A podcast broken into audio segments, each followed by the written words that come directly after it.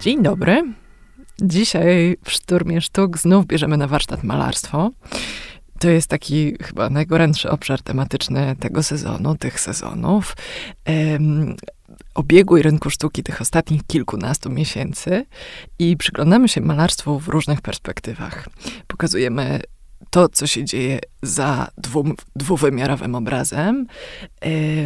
pokazujemy medium, pokazujemy galanteryjność tego medium, dekoracyjność tego medium, wyzwania, historie, problemy do rozstrzygnięcia. E, chcemy pokazać, że malarstwo nie jest proste, nie jest jednoznaczne i że nawet ta dekoracyjność, o której mówiłam przed chwilą, e, może być rzeczą ciekawą albo problematyczną. Dziś przypatrzymy się malarstwu pod bardzo specyficznym kątem, e, czyli podejdziemy do tego płótna bardzo, bardzo, bardzo blisko, prawie z lupą, bo będziemy mówić o podłożu malarskim, o płótnie szczegółowo. Moją gościnią jest Karolina Bielawska, e, malarka, wychowanka Leona Tarasewicza, Pawła Susida, od wielu lat malująca w bardzo charakterystycznym stylu, krocząca swoją ścieżką. E, ja myślę, że wielu słuchaczy kojarzy pracę Karoliny, takie pokazujące abstrakcyjne figury, e, komponujące się w zaskakujące, dramaturgiczne historie, pełne napięcia, zestawienia. Co warto dodać do tej prezentacji, Karolino? E, dzień dobry. Bardzo ciekawy jest ten wstęp. Bardzo się cieszę, że malarstwo jest e, tak emocjonujące z wielu powodów. A jeśli o mnie chodzi, to może być to zaskakujące dla niektórych, ale dużą część mojego malarskiego rodowodu stanowi figuracja. Dlatego nawet w tych abstrakcyjnych e, kompozycjach, które tworzę, można doszukać się właśnie jakiejś opowieści, jakichś skojarzeń, E, I to jest coś, co lubię przemycać w swoich pracach. Y tak, teraz, teraz ma to sens, jak o tym mówimy, Karolino. Rzeczywiście ja patrzę na twoje prace jako prawie czystą geometrię, ale tam pojawiają się postaci, pojawiają się przedmioty, o tym powiemy na pewno za chwilkę. Na początek chciałabym e, wspomnieć o ostatniej wizycie, mojej wizycie w Twojej pracowni i do takiej wizyty poniekąd przez rodzaj przeniesienia zaprosić naszych słuchaczy. Ty e, pokazywałaś kolekcjonerce przepiękny dyptyk malarski i mi przy tym samym ten, ten dyptyk pokazywałaś. Każda z dwóch prac, które tworzyły parę, była namalowana na innym płótnie. Jedno było bawełniane, e, piękne, białe, niezagruntowane, drugie leciuteńko szarawe. I coś, co e, występowało na dwóch różnych podłożach, tworzyło parę. Dla mnie, e, w, jakby w pierwszym spojrzeniu, bardzo zaskakująca koncepcja. Trochę tak, jakby powiedzieć, że no, na jednej nodze nosimy trampek, na drugiej szpilkę i to jest właśnie to, jak mamy wyjść w miasto. Um, tak, e, to um, złożenie dwóch różnych płócien e, gatunkowo miało znaczenie nie tylko formalne. Mhm. Ale może najpierw powiem trochę o tych różnicach właśnie samego podłoża. Mhm. E, te, ten dyptyk e, w jednej części składał się właśnie z płótna lnianego, to jest to bardziej szarawe. Ono jest grubsze, jest bardziej chropowate, szorstkie i ma taki ziemisty charakter w sobie. Natomiast e, drugie, o którym wspomniałaś, to takie białawe, ono mm, nie jest w kolorze czystej bieli, to jest taka mleczna biel wręcz, taki kremowy, beżowy kolor. E, to jest płótno bawełniane, ono jest e, bardziej transparentne, jest gładsze, jest delikatniejsze. I zdecydowałam się na połączenie tych dwóch materiałów bez gruntowania. Są to surowe materiały. E, dlatego że mm, założeniem tej pracy było pokazanie, e, jak przenikają się różne sfery e, i to w sposób taki dosłowny i symboliczny, ponieważ tytuł tej pracy brzmi Mgły. Mgły, czyli coś mm, dosyć takiego zwodniczego, tajemniczego, ulotnego, co nam przysłania obraz, ale też wprowadza w jakiś taki inny wymiar, w inny y, trochę świat. I już na poziomie samego wyboru materiału chciałam zaznaczyć właśnie to przenikanie, stąd wybór takiego ziemistego bardziej e, płótna w zestawieniu z tym lżejszym, powietrznym. Więc ta symbolika w, też e, tego podłoża ma tutaj dla mnie e, dosyć duże znaczenie, nie tylko w tej pracy, bo w ogóle jeśli chodzi o moje realizacje, to e, wybór właśnie materiału czy podłoża e, jest, e, jest świadomą decyzją. Czy to znaczy, że podłoże, płótno w tym konkretnym przypadku jest dla malarza tak ważne jak farba? Może Zdecydowanie być? tak. Zdecydowanie. E, jeśli o mnie chodzi, to, to tak. Mhm. No, to jest bardzo ciekawe i to idzie w poprzek tego, jak się myśli o malarstwie, tak? Że to tylko warstwa malarska jest nośnikiem znaczeń. Tymczasem okazuje się, że to, na co ona jest nałożona, też potrafi um, rozwibrować te wszystkie znaczenia zamknięte w pracy. Um, oprócz płótna pracujesz też na innych podłożach. E, pokazywałaś m, pracę na papierze, to, to jest oczywiście dosyć klasyczne, ale też e, w Twoim portfolio znajdują się prace wykonane na płycie OSB, na płycie karton gips, na sklejce. Mm, no, przed chwilą nam mówiłaś, że to jest bardzo ważne dla ciebie, to płótno, ale jednak wydaje się, że czasami je zdradzasz. Dlaczego? To jest pytanie, które też często sobie zadaję, a odpowiedź na nie sięga czasów już moich studenckich, bo mm, wybrałam pracownię, która nawet y, z nazwy już zdradza to podejście do malarstwa. Moja pracownia e, nosiła nazwę Przestrzeń Malarska, czyli e, ten wątek przestrzeni był dosyć istotny już na poziomie edukacji. I bardzo spodobał mi się, jeśli chodzi o myślenie całościowe o przestrzeni, czyli Innymi słowy, traktuje obraz jako część większej całości i czasami. Ale jakiej całości?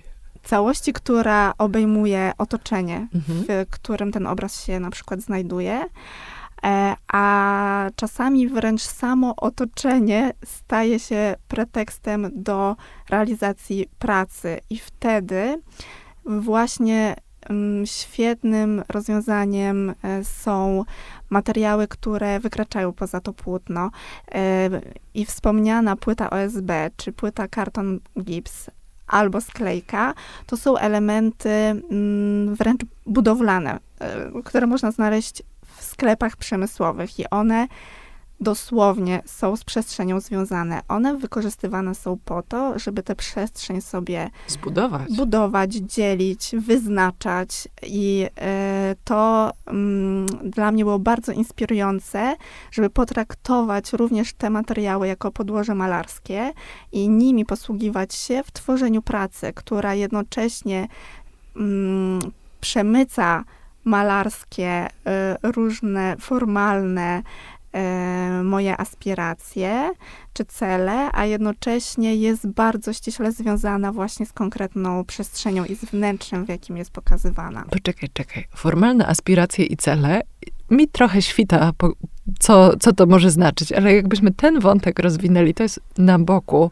poboczna y, teraz wycieczka w stosunku od płótna, które jest głównym tematem naszej rozmowy, ale przybliżmy to słuchaczom, bo y, to jest takie słowo wytrych, które bardzo często się powtarza w odniesieniu do malarstwa i myślę, że dobrze by było je rozwinąć i przetłumaczyć na tak zwany polski. E, oczywiście, e, bar, bardzo chętnie powiem coś więcej na ten temat. E, tu chodzi o taki wewnętrzny język, który każdy artysta, ja jako malarka, pragnie sobie wypracować i dąży do jakiegoś charakterystycznego swojego stylu. Więc te właśnie wszystkie próby, które ja podejmuję, e, no, w dużej mierze e, są też drogą do budowania właśnie takiego mojego autorskiego, własnego języka, którym się posługuję, języka malarskiego.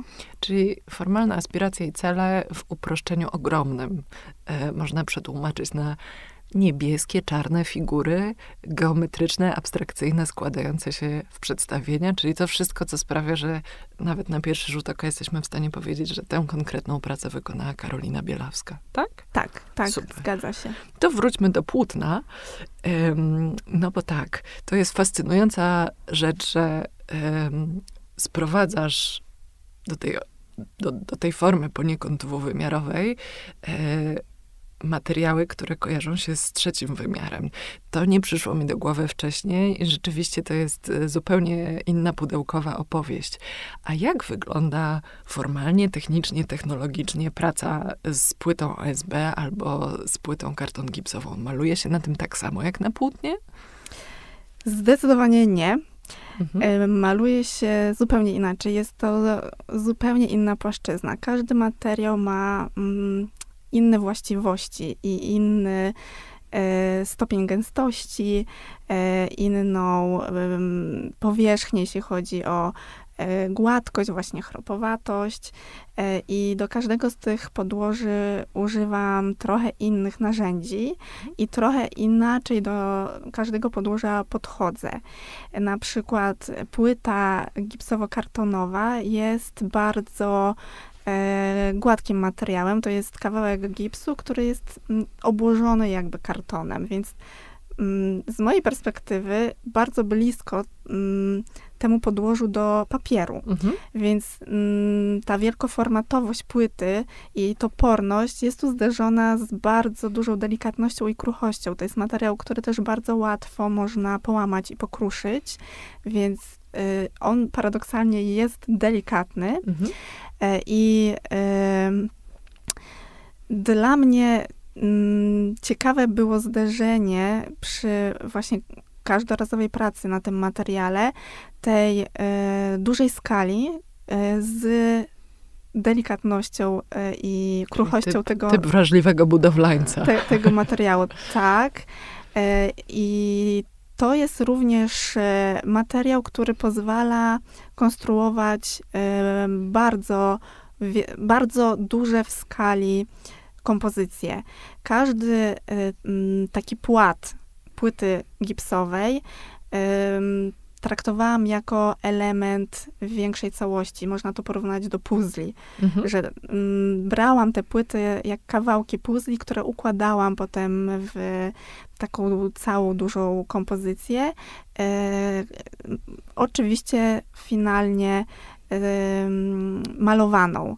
E, również ta kompozycja i mm, format płyty jest e, istotny, bo te wymiary płyt są bardzo konkretne. Mhm. One odpowiadają wielkości ścian.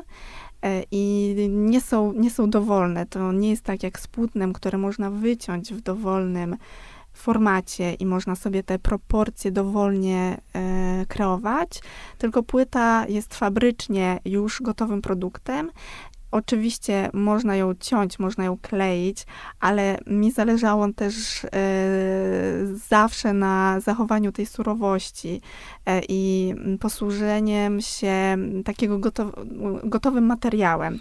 Czyli pracujesz z jakimś modułem, który ludzkie oko czyta jako ścianę. Dokładnie tak. I tym modułem bawię się, można powiedzieć, e, wybijając go z jego właściwej funkcji i traktując jako właśnie podłoże malarskie, czyli wywracam sobie te płyty do góry nogami, przybijam je y, prostopadle, poziomo i na nich tworzę nowe kompozycje malarskie. No to brzmi jak duża wywrotka i duże manewry, też takie intelektualne, nie tylko bieganie z wielkimi modułami w ręku. A myślę sobie teraz e, o twojej reakcji na na pierwszy tytuł tego mm, naszego dzisiejszego nagrania, które ci zaproponowałam, bo moją koncepcją było mówienie o odchodzeniu od płótna, a ty powiedziałaś mi, hola, hola, e, ja zdecydowanie kocham płótno. Mimo wszystko nie chciałabym degradować tutaj znaczenia płótna w mojej praktyce i to płótno jest dla mnie pierwszym materiałem, dobrze zrozumiałam, pierwszym podłożem. Tak, bardzo mnie wręcz zabolało, jak przeczytałam ten pierwszy tytuł naszej rozmowy, bo... Czyli daleko od płótna. E, czy płótno to za mało? Płótno, płótno to, to, za mało. mało. To, to było coś w tym tonie. E, dlatego, że e, płótno jest dla mnie mm, takim czysto malarskim materiałem, bardzo szlachetnym, z którym bardzo lubię pracować. E, jakoś taką pokorę czuję e, też wobec niego. E, I, I zawsze z jakąś taką wielką czułością podchodzę do pracy na płótnie. Ale takie odchodzenie od niego jest e, również kuszące i dla mnie rozwijające. Wspomniałam o płycie e, gipsowo-kartonowej, ale mówiłyśmy o płycie OSB czy o sklejce. To są też e, inne podłoża. E, płyta OSB jest bardziej chropowata, ona jest złożona z takich fragmencików mm, pociętych e, wiórków. Mie mielonka taka tak. wiórkowa. Mhm. E, a z kolei sklejka jest e, bardzo cienką e, płytą e, i myślę, że mm, warto przypomnieć starszy mój trochę projekt sprzed kilku lat, E, wykonany też w bardzo e, niemuzealnej, nietradycyjnej, niegaleryjnej przestrzeni, e, a mianowicie na terenie ogródków działkowych na warszawskiej Pradze, w jednym z domków działkowca, przystosowanym do właśnie celów wystawienniczych przez znajomych artystów Magdalenę Łazarczyk i Łukasza Sosińskiego. E, zrobiłam pracę, która mm, właśnie wykorzystywała sklejkę elastyczną. I tę sklejkę mm, tak wręcz pofalowałam, pozwijałam. E, efekt był taki, że mm, wydawało się, jakby ściany wręcz zwijały się, mhm. E, spadały. I cały ten projekt miał na celu pokazanie, wyłamywanie się takiemu porządkowi, któremu E, człowiek e, próbuje sprostać i które, które narzuca naturze. E, te ogródki działkowe i różne domki, konstrukcje, które tam powstają, są tego świetnym przykładem, że chęć bycia w naturze to raz, ale dwa, cały czas chęć podporządkowywania sobie tej natury i budowanie sobie tych różnych struktur też jest dla nas istotne, więc to było takie przewrotne E, potraktowanie tej przestrzeni, właśnie wnętrza tego domku. Mhm. To pociągnijmy jeszcze e, te sposoby wychodzenia z płótna, czy wy, wycieczek na marginesy płótna. Ja widziałam, że w jednym z Twoich nowych projektów, chyba jeszcze w fazie planowania, rozważasz użycie światła. Mm, I wydaje się, że, że, że to jest bardzo ciekawy malarski eksperyment, e, który wykorzystuje też kontekst miejsca i tam jest dużo języka malarskiego, ale jest ta świetlna przewrotka. Czy, czy mogłabyś nam opowiedzieć o tym projekcie, o projekcie Powrót do szkoły? Tak. E, jest to projekt, e, który jest w etapie planowania. Na razie czekamy cały czas na decyzję, żeby E, ruszyć z projektami, a e, powrót do szkoły e, to jest inicjatywa Towarzystwa Zachęty Sztuk Pięknych i mhm. Fundacji Pamodża. I mm, projekt ten polega na tym, że w wybranych szkołach w Polsce współcześni artyści realizują prace tak zwane site specific, czyli prace dedykowane właśnie konkretnej przestrzeni. E, I to mm, według mnie jest piękny projekt, który właśnie e, wypełnia całą taką misję sztuki, bo pokazywanie młodym ludziom w szkole, w ich naturalnym środowisku, e, gdzie spędzają mnóstwo czasu, e, ta, takich współczesnych prac jest i formą edukacji, i też formą otwierania na różne rozwiązania naszego umysłu, naszej wyobraźni, naszej kreatywności, więc e, przede wszystkim bardzo się cieszę, że zostałam zaproszona do tegorocznej edycji tego projektu, którego kuratorką jest Maria Brewińska. E, szkoła, z którą współpracujemy, znajduje się w Krakowie. E, I e, praca, którą chciałabym tam wykonać, ponieważ nie, nie jestem jeszcze pewna, czy to się uda. E, tutaj czekamy właśnie na decyzję dyrekcji konserwatora zabytków, żeby uzyskać pozwolenia na, na taką ingerencję artystyczną w budynek szkoły. No ale wracając do, do tej pracy, stworzyłam ta, ta, taką kompozycję, która wykorzystuje płótno, ale e, też ma w sobie element właśnie światła, ponieważ wybrałam sobie miejsce, e, które znajduje się na klatce głównej schodowej tej szkoły pod schodami. Pod schodami, które prowadzą na drugie piętro, i to są schody w centralnym miejscu, i, i, I jakby samo to miejsce miało dla mnie też symboliczne znaczenie, ponieważ schody są takim elementem, który musimy pokonać, e, żeby gdzieś dojść. E, wspinamy się i znowu e, to moje odwoływanie się do różnych symbolicznych znaczeń, ta wspinaczka, zwłaszcza w latach e, szkolnych, jest dosyć. Oj, to jest, to jest trudna wspinaczka, tak. Jest dosyć e, ciężka mhm. e, i to miejsce pod schodami, czyli takie znowu wywrócenie trochę porządku do góry nogami, E, wydało mi się bardzo atrakcyjne, e, zwłaszcza, że nie było oczywiste.